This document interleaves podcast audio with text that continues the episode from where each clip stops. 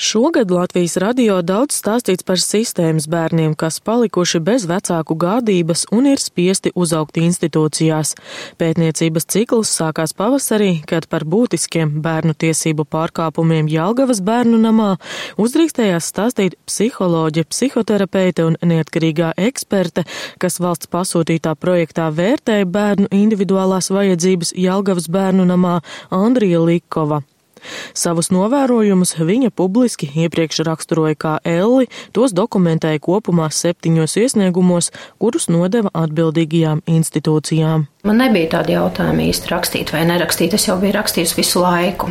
Nu, ja man jāpadalās tajās savās izjūtās, tad faktiski tās, tas bezmiegs un lielāka trauksme un tie palīdzības meklējumi daudz dažādiem cilvēkiem. Bet nebija tāda, nebija tāda doma, ka darīt vai nedarīt. Lai gan Andrijas runas veids ir piezemēts un var radīt priekšstatu par viņu kā klusu un pakļāvīgu sievieti, ar saviem iesniegumiem un intervijām mēdījos, viņa pierādīja, ka ir cīnītāja. Vienmēr bijis tāds, tāda vajadzība pēc taisnīguma droši vien tā, tā iekšējā, iekšējo pārdzīvojumu un pieredzes rezultātā tas kaut kā ir veidojis to, ka man ir jāizdara kaut kas labākais, ko es no sevis varu izdarīt. Laikā, kad Andrija klauvēja pie vairāku atbildīgo institūciju durvīm, citi psihologi neziņoja. Iespējams, ka citos bērnu namos šādu pārkāpumu nebija, bet tas ir tikai pieņēmums. Arī Andrijas komandas darbinieku vidū nebija vienprātības par to, vai par redzēto jārunā publiski, un tika uzdots jautājums, vai tas neaizskars pieaugušos. Bailes pretoties kaut kam, vai ziņot, vai būt uzmanības centrā. Nekad nebija zināms mums arī joprojām, gan psihologiem, gan psihoterapeitiem, es domāju, arī maniem kolēģiem manā komandā. Nekādu garantiju par drošību, kā būs ar mūsu dzīvi pēc tam, netika sniegta vispār. Notikumu attīstības sākumā esot saņēmusi netiešas norādes, jeb piebildes ar vēstījumu, lai apstājoties un padomājot, ka arī pašai ir ģimene. Jūtos uzmanības centrā un baidījos par to, ka tas tā uzmanība, es nezināju, kādas būs tam sekas.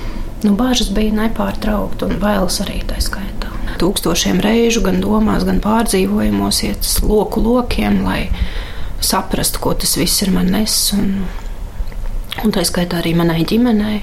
Es esmu ārkārtīgi viņiem pateicīga par tādu izturību un spēju piedzīvot man visos variantos. Nākamgad janvārī Andrijai gaidāma tiesa par goda un cieņas aizskaršanu Jelgavas sociālo lietu pārvaldes psiholoģijai, kuras vārds arī figurē Andrijas rakstītajos iesniegumos. Arī manu kolēģu vidū ir cilvēki, kuriem ir, ir svarīgi iet tiesāties par godu un cieņu, bet uh, nu, pēc būtības neskatīt, nu, pat nepaskatīties uz tiem cilvēkiem, kas ir līdzās, ka tur ir dzīvi cilvēki aiz viss tā stāv. Ja. Kopš novembra Andrija strādā arī Jālgavas bērnu namā.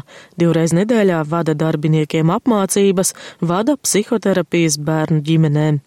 Bija arī tāda vajadzība pārliecināties, ka ar bērniem viss ir kārtībā, viņa saka, gribējies palīdzēt, un labākā palīdzība esot viņas darbs. Man pārsteidz arī tas, ka es tur nebiju bijusi no marta, novembrī ienākot jau. Tad pēc vārda atcerējās, protams, kas parasti mans vārds izsauc parasti kādus sastrēgumus, izrunāt atmiņās. Nu, redzēt un piedzīvot to atgriezenisko saikni, tas nav tā vārdiem izstāstāms. Jau. Viņa atceras pievakarē, kad jau satumsis un pēc vairāk nekā pusgada pārtraukuma psiholoģi ieradusies bērnu nama teritorijā, ārā bijušas dzirdamas bērnu balsis. To nevarot salīdzināt ar klusumu, kas valdīs aptuveni pirms gada tādos pašos ziemas tumšos vakaros. Vaicāju, kāda ir šī stāsta morāla jeb mācība. Ja es kād, kādreiz, iespējams, kādu laiku atpakaļ arī domāju, ka lielās inspekcijas palīdzēs kaut ko tur kopumā risināt un, un pārdzīvoja un raudāja, ka, ka tas tā nav un nenotiek un nenotiek pietiekoši ātri vai vispār virspusēji. Tad šobrīd ir tāds apstiprinājums gūts, ka izmaiņas jau, protams, ir milzīgas, ja mēs palūkojamies, kas bija gadu atpakaļ vai ne, bet tā personīga atbildība tā ir visnozīmīgākā. Intervija ar Andriju notiek Babītē, viņas pamata darba vietā. Šeit uz terapijas seansiem gandrīz katru dienu nāk ģimenes pāri un arī bērni.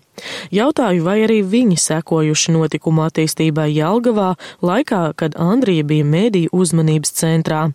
Viņa atbild apstiprinoši. Mūsu sarunas nobeigumā, kad jau gatavojos slēgt ārā diktofonu, Andrijas teica piebilst, ka priecājas par labdarības maratonam dod pieci šogad izvēlēto tematu salabo bērnību, kas aicina ziedot īpaši šai atbalsta programmai Plec. Vēl bija arī tikšanās plecu cilvēkiem. Un, tas man tik ļoti saviņoja.